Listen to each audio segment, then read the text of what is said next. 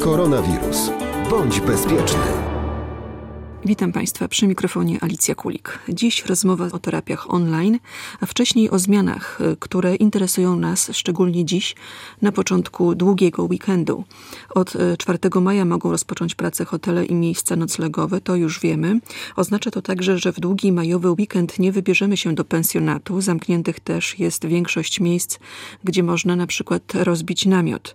Można jednak pojechać, tak jak do tej pory, na działkę. Możliwe są spacery po lesie, a także spotkania w ograniczonym gronie. Czy można na przykład rozpalić e, grilla w gronie rodzinnym? Tak, również w miejscu publicznym, jeśli nie ma lokalnego zakazu i nie powoduje to zagrożenia czy dyskomfortu innych osób. Obowiązuje jednak zakaz organizowania zgromadzeń oraz imprez w gronie większym niż dwie osoby. A teraz o terapii online. Pomożemy Ci przetrwać. Takie zdanie możemy przeczytać na stronie facebookowej Świetlicy Terapeutycznej numer 2 w Olsztynie. Teraz rozmawiamy z jej dyrektorem, psychoterapeutą, panem Dariuszem Poniewozikiem. Dzień dobry. Dzień dobry. Jak Państwo w tych y, dziwnych i trudnych czasach y, pomagają swoim podopiecznym przetrwać? No przede wszystkim staramy się y, być dostępni za pośrednictwem aplikacji internetowych typu Skype, typu Zoom, Messenger czy WhatsApp. Jesteśmy otwarci dla naszych podopiecznych cały czas. Mogą dzwonić, mogą z nami rozmawiać, komunikować się. Ja sam osobiście mam kilka osób jakby nawet nowych, które już nawet nie są z Olsztyna, gdzieś tam spoza rejonu, spoza naszego województwa e, dzwonią, no bo jak daliśmy ogłoszenie na Facebooku, to Facebook nie tylko ogranicza się przecież do naszego miasta, ale też dociera dalej, więc e, się okazuje, że dzwonią ludzie z innych rejonów Polski nawet. Jeżeli to nie jest, nie zdradzamy żadnej tajemnicy, to proszę powiedzieć, z czym najczęściej dzwonią ludzie do świetlicy terapeutycznej? Przede wszystkim dzwonią do nas e, ludzie, którzy się obawiają swoje życie przede wszystkim, e, gdzieś tam jakieś lęki się odzywają. Staramy się rozmawiać z tymi ludźmi, uspokajać, no i być przede wszystkim, tak, pokazywać, e, że można żyć dalej, funkcjonować i wierzyć w to, że będzie dobrze. To są osoby w różnym wieku?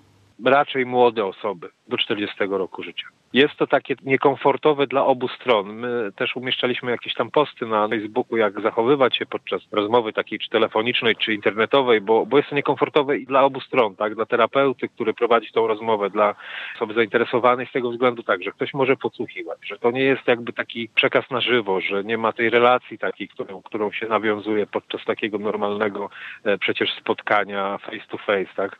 Nie można obserwować, przywitać się, więc jest ten dyskomfort. Musimy w bardzo krótkim jakby czasie nawiązać dobrą relację z człowiekiem, który do nas dzwoni. Trzeba stworzyć tą relację. Jest ciężko, ale się udaje, ponieważ no, sytuacja, w której wszyscy się znajdujemy, nie nastraja optymistycznie, natomiast buduje pewne poczucie jakby, nie wiem jak to nazwać, takiego zaufania do drugiego człowieka, tak, że jak dzwonimy do kogoś i prosimy o pomoc, to ten drugi człowiek nam jej udzieli. Proszę powiedzieć osobom, które nas teraz słuchają i być może są w takiej sytuacji, że chciałyby wziąć e, telefon do ręki i zadzwonić, jak mają się przygotować do takiej rozmowy? Pierwszy kontakt telefoniczny, to jest bardzo ważne, żeby zadzwoniły do nas osoby, które chcą i wtedy się umawiamy przez telefon na rozmowę na Skype lub Zoom Rozmowa jest nawiązaniem relacji, bo to może się komuś nie spodobać, tak? Ktoś tam brzydko brzmi przez telefonie, czy może jeszcze będzie miał chwilę e, zastanowienia, czy rzeczywiście skorzysta z tej porady, więc najpierw kontakt telefoniczny, krótki. Umawiamy na przykład czwartek, godzina 17